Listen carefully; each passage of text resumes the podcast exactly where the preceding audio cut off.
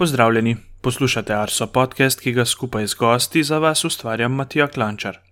V času od zadnje 34. epizode, kjer smo se s Floriano Vlaga in Petrom Frantarjem pogovarjali o akciji postavljanja oznak visokih voda, ste lahko prisluhnili tudi posebni epizodi, ki smo jo pripravili ob dnevu voda in dnevu meteorologije. Če oddaje še niste poslušali, jih med vsemi ostalimi epizodami najdete v vaši priljubljeni podcast aplikaciji na vseh pametnih napravah. Najdete nas tudi na družabnih omrežjih, na Twitterju smo Meteosi, na Facebooku pa smo Arso Vreme. Da bodo za nas izvedeli tudi ostali, nam lahko pustite kakšen komentar na Apple Podcasts. Vse komentarje, pripombe in predloge pa sprejemamo tudi na elektronskem naslovu podcast.arso.afnago.si. Na začetku je čas za novo vremensko uganko, ki se tokrat glasi: Katera izmed naštetih rek ima največjo povprečno vodnatost? Za lažje ugibanje vam dajem na voljo štiri možne odgovore, ki so: Ljubljanica, Savinja, Krka ali Kolpa.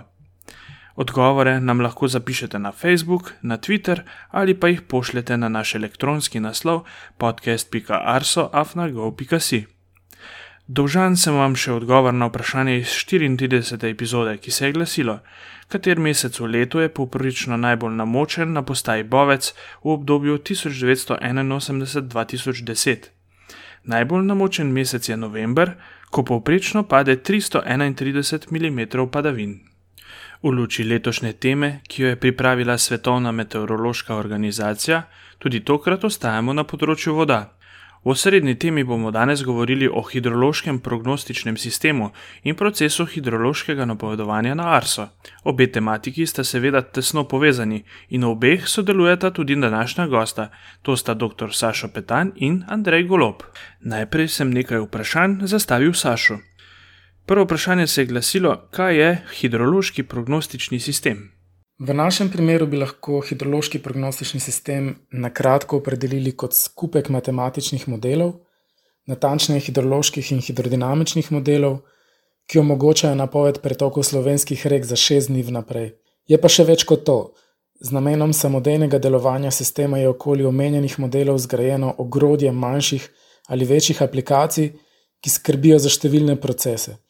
Med njimi so najpomembnejši priprava vhodnih podatkov in simulacijskih datotek, zagon modelov, obdelava rezultatov simulacij, njihova diseminacija in vizualizacija. Tako se lahko napovedi sistema samodejno obnavljajo, praviloma se to zgodi vsako uro, za celo vrsto tako imenovanih modelskih postavitev. Modelsko postavitev pa opredeljuje modelska domena oziroma obravnavano poreče in hodni podatki, med katerimi uvrščamo padavine, temperaturo zraka, sončno sevanje in izhlapevanje. Vse te meteorološke spremenljivke pa lahko izvirajo iz meritev v opazovalni mreži, iz napovedi meteoroloških modelov ali iz numeričnih analiz sedanjega vremena. Kako pa je hidrološka prognoza potekala v preteklosti pri nas in kako se je hidrološki prognostični sistem spremenil čez čas? Temelji um, hidrološkega prognostičnega sistema Agencije Republike Slovenije za okolje so bili postavljeni med letoma 2010 in 2015 v okviru projekta Bober, ki je bistveno izboljšal spremljanje in analiziranje stanja vodnega okolja v Sloveniji. Pred tem projektom pa smo se hidrologi prognostiki v primeru pričakovanih poplav zanašali na enostavne empirične izračune za posamezne vodomerne postaje in na tedaj dostopne napovedi iz zunanjih virov naprimer Evropskega sistema za napovedovanje poplav EFAS ali napovedi modela za porečje Mure, ki se pripravljajo pri naših kolegih na Štajerskem v Avstriji. Vse te informacije so hidrologi prognostiki skupaj presajali, čez pretekle izkušnje in ob podpori kolegov meteorologov ocenili gotovost poplavnega dogodka pred izdajo morebitnega opozorila. Hidrološki prognostični sistem ARSO pa zagotavlja objektivne napovedi pretokov rek, ki jih je ravno tako potrebno kritično vrednotiti in presejati. Pri tem je strokovno znanje hidrologa prognostika še vedno nepogrešljivo in zahteva nove veščine. Samo delo pa manj naporno, saj sistem, če temu rečemo tako, v imenu hidrologa prognostika umsko bdi nad stanjem rek v Sloveniji.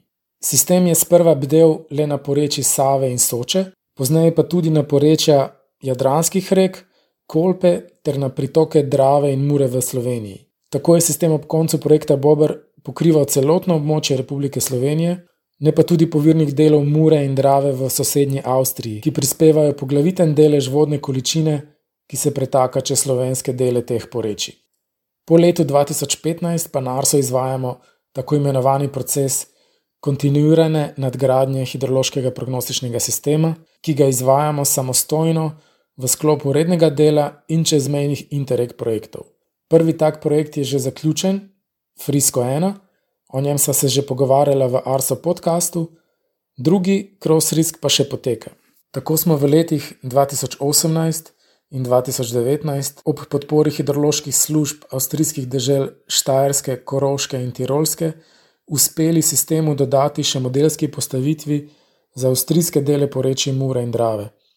S tem smo nadomestili alternativne napovedi pretoka reke Drave in Mure z lastnimi, ki v prvi vrsti temeljijo na slovenski različici meteorološkega modela Aladin. Tako je hidrološka služba Arso dosegla tudi svoj vrsten menik, saj je z lastnim sistemom uspela zagotoviti objektivne napovedi pretoka vseh rek, ki tečejo čez slovensko ozemlje. Zadnje Sašovo vprašanje se je nanašalo na načrte v prihodnost. Lahko razložiš mogoče tudi pomembnost teh nadgradenj, ki jih pričakujete? Letos nameravamo zaključiti prenos sistema na novo računalniško infrastrukturo s prenovljenim programskim okoljem z namenom lažje implementacije sebinskih širitev sistema v prihodnje. Tukaj v prvi vrsti mislimo na dopolnitev sistema z novo modelsko komponento za sneg, ki bo nadomestila obstoječo, zelo enostavno metodo za akumulacijo snežnih padavin in taljenja snežne odeje. S tem bomo izboljšali uspešnost modelskih napovedi v zimskem času in v obdobju intenzivnega taljenja snega. Druga vsebinska dopolnitev pa je računsko precej bolj zahtevna, ker determinističnimi napovedmi želimo dodati še skupinske ali ensamblske hidrološke napovedi, ki bodo temeljile na ensamblskih meteoroloških napovedih in bodo v sistemu omogočale še objektivno oceno gotovosti hidroloških napovedi. Na naslednji sklop vprašanj pa je odgovarjal Andrej. Prvo vprašanje se je glasilo, kako poteka hidrološka prognoza. Hidrološka prognoza, kakor na kratko rečemo procesu hidrološkega napovedovanja in izdajanja različnih produktov, ki so odvisni od trenutnega in predvidenega hidrološkega stanja, poteka vsakodnevno, vse dni v letu. Pri tem prognostiki uporabljamo podatke oziroma meritve tako hidroloških kot meteoroloških spremenljivk, rezultate modelskih orodij, predvsem pa svoje znanje in izkušnje. Kaj pa ste v preteklem letu spremenili v procesu hidrološkega napovedovanja? Največji del nadgradnje v preteklem letu smo namenili posredovanju naših napovedi končnim uporabnikom bodi si širši javnosti ali strokovnim uporabnikom, kot so gasilci, civilna zaščita in drugi. Pri tem smo sledili tudi primerom dobre prakse iz tujine, s tem mislim najbolj razvitim hidrološkim službam po svetu. Poudaril bi prikaz napovedi visokovodnih razmer v grafični obliki, ki se sedaj izdaja vsakodnevno. Grafični prikaz prikazuje trenutne in predvidene hidrološke razmere za danes in jutri, in sicer za posamezna območja in morsko obalo v Sloveniji. Porečja so obarvana z eno od barv, ki jih uporabljamo v upozorilnem sistemu.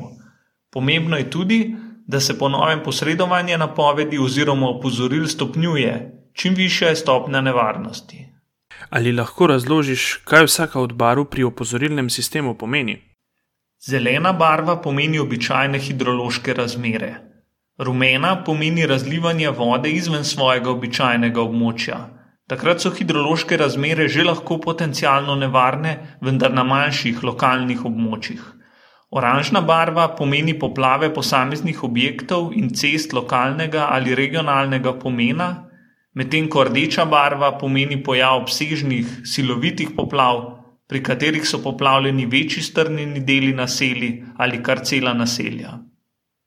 Kako pa se odločite za različne barve opozoril pred poplavami?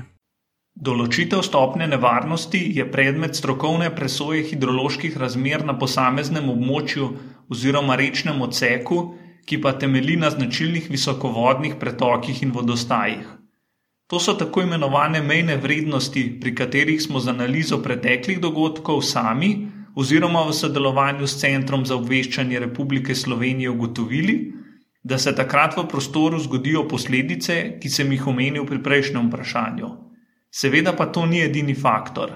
Ko vrednotimo napovedi za prihodne dni, se te večinoma značilno razlikujejo, tako da je potrebno predvideti najbolj verjeten razvoj dogodkov.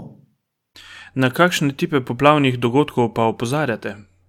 V naši grafični napovedi z oznako poplava označujemo dolinske in kraške poplave ter poplavljanje morja, z oznako hudurniška poplava pa kratkotrajne poplave, ki se ob intenzivnih padavinah zgodijo ob manjših rekah in vodotokih. Pomembno je vedeti, da hudorniške poplave niso povezane le s hudorniškimi potoki v goratem svetu, vendar se dogajajo na vseh tistih območjih, kjer lahko zaradi značilnosti zaledja vodotoki zelo hitro narastejo.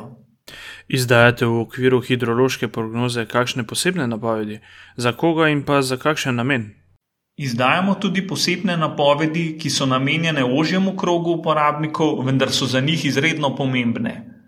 O že preseženih vnaprej določenih pretokih rek po protokolih obveščamo sosedne dolvodne države, o izredno nizkem ali visokem stanju vodnatosti rek obveščamo upravljalce hidroelektraren, po novem pa o napovedani višini morja ob slovenski obali tudi Luko Koper. Kako pa so se te izboljšave, ki si jih prej navedel, obnesle in pa kako so jih sprejeli uporabniki?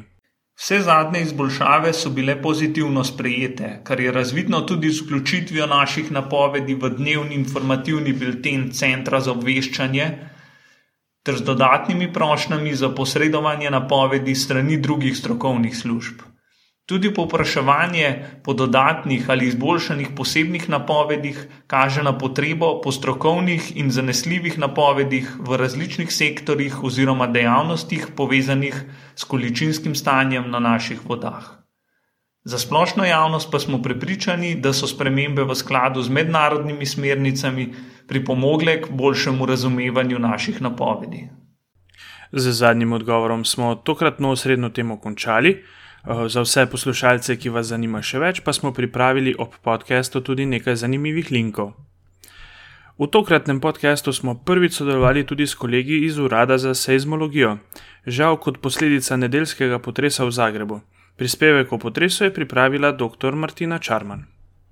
Mnoge med nami je na nedeljsko jutro 22. marca ob 6. uri in 24 minut zbudilo tresenje tav. Potres se je zgodil le 8 km severno od Zagreba in je imel magnitudo 5,1.